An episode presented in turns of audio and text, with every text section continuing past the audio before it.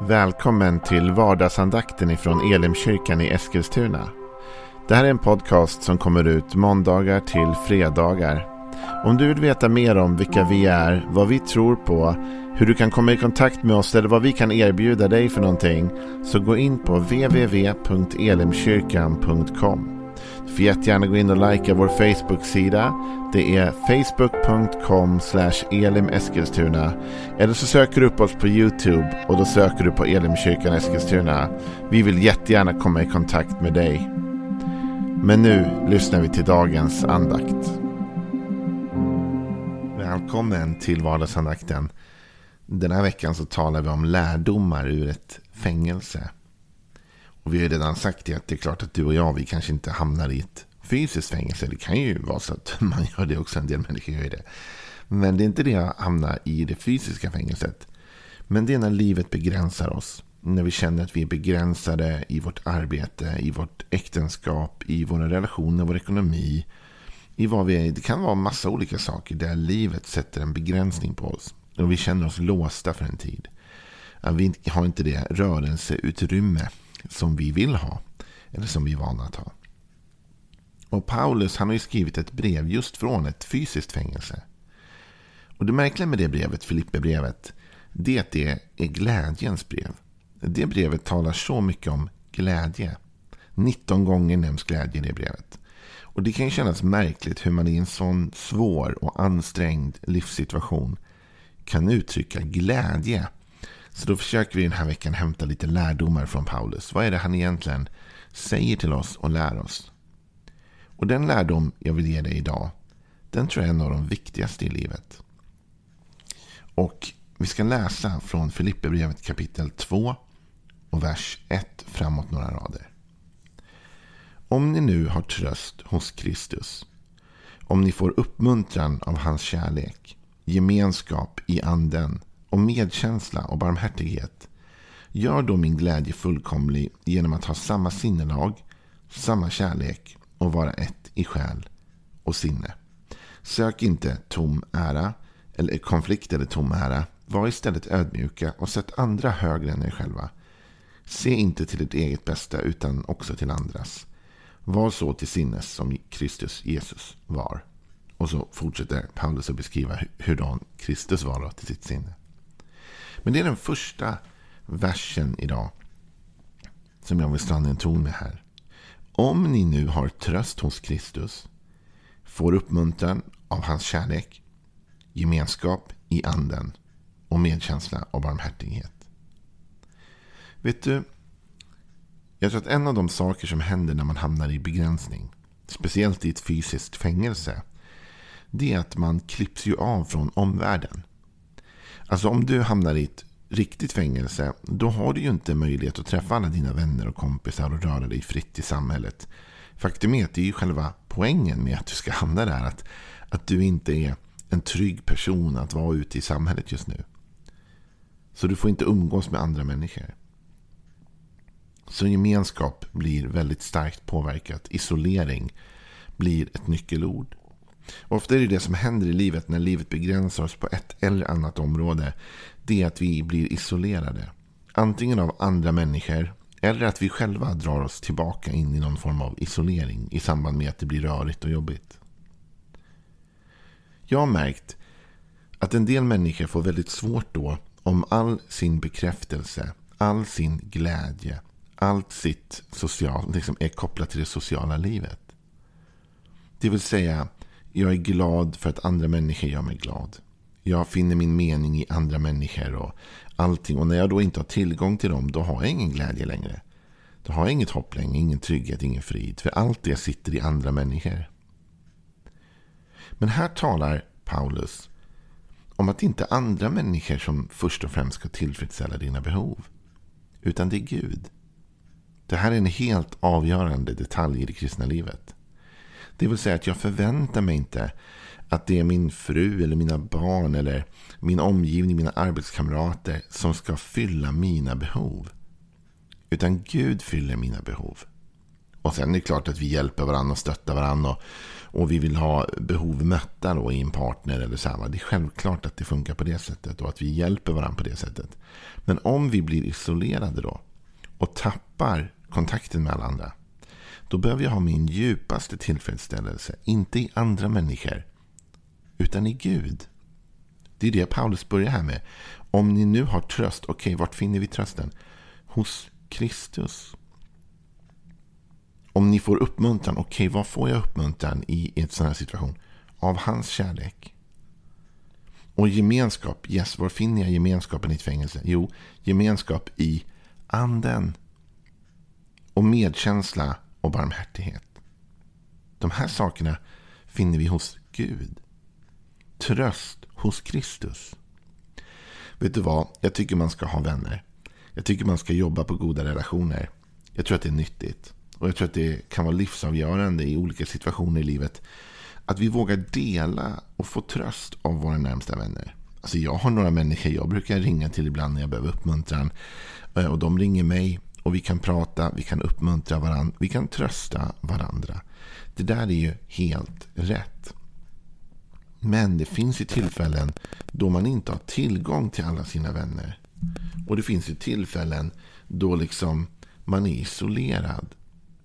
Var finner man då sin tröst? Jo, men den djupaste trösten bör vi utveckla att finna hos Kristus. Alltså jag vänder mig först till honom.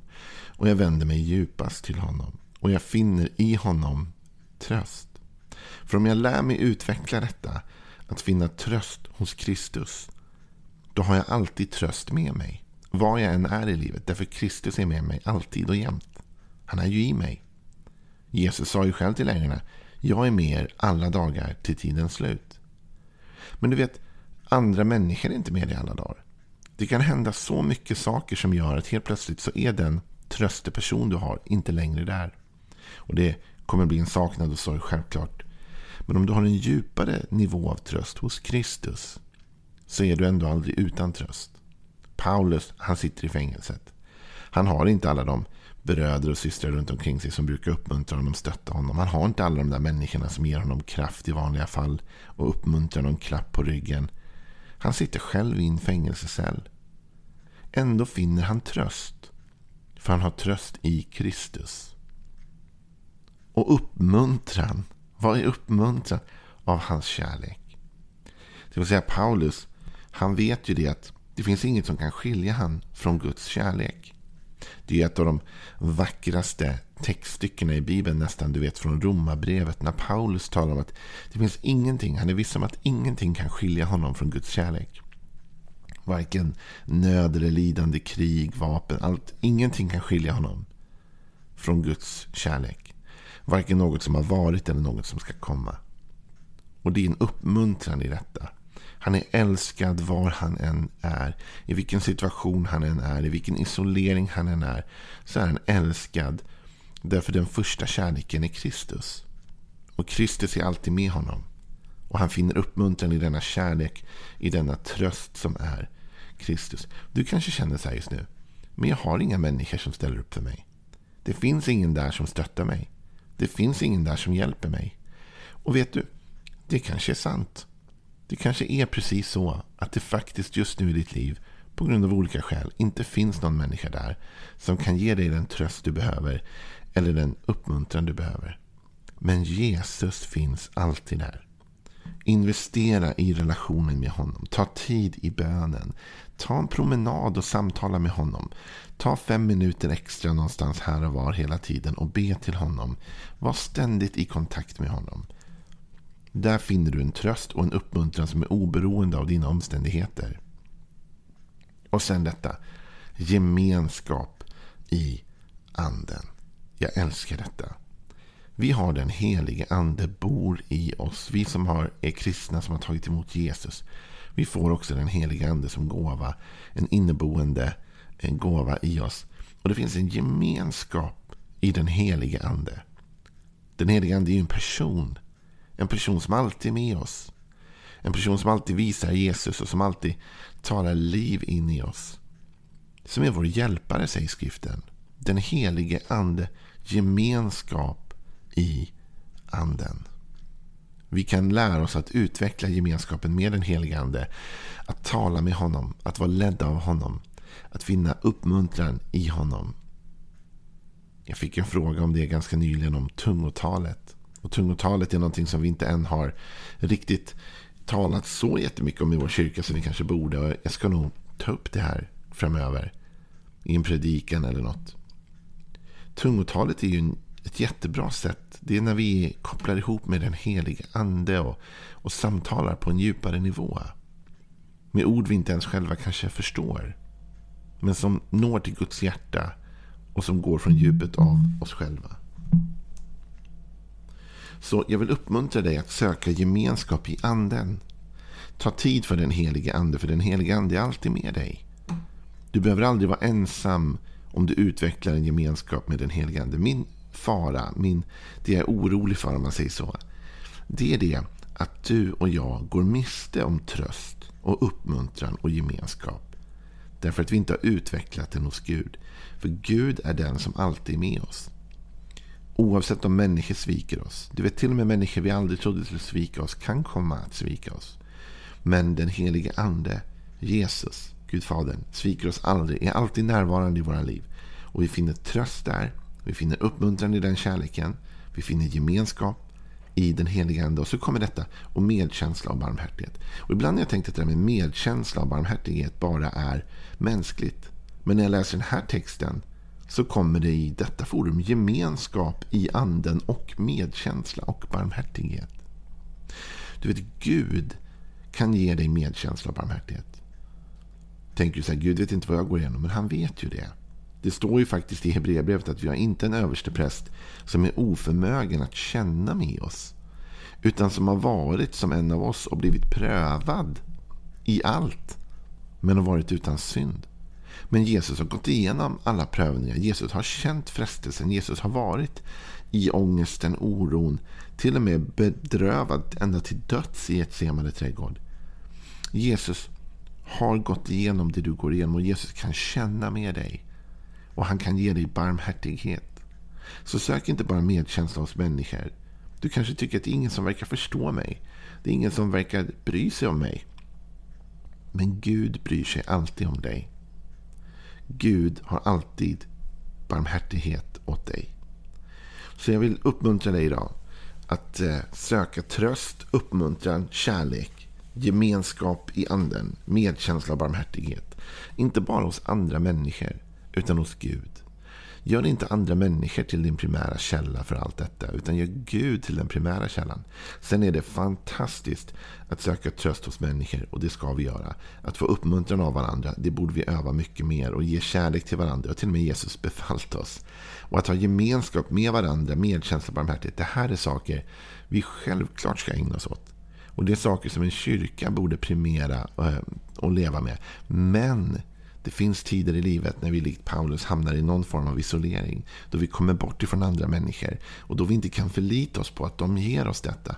Då måste vi vända oss till Gud.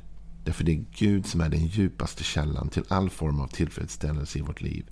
Det är han som kan släcka vår törst. Jesus sa till kvinnan, kvinnan vid brunnen att om hon hade druckit av det vatten han gav så hade hon aldrig mer törstat. Det finns en djupare mättnad och törst släckande förmåga hos Jesus. Liksom. Det finns en djupare tillfredsställelse i honom än vad vi kan finna i någonting annat. Och Jesus Kristus är med dig i all form av fängelse och isolering. Man kan aldrig bryta bort Jesus från dig. Jesus är med dig alla dagar till tidens slut. Han är med dig i dödsskuggans dal. Han är med dig genom svårigheter och prövningar och i stormar. Han är med dig jämt. Så sök detta i honom. Så låt mig avsluta genom att läsa detta igen. Om, om ni nu har tröst hos Kristus och om ni får uppmuntran av hans kärlek, gemenskap i anden och medkänsla och barmhärtighet. Det är detta vi söker hos Kristus. Ha en välsignad dag så hörs vi imorgon igen. Hej då.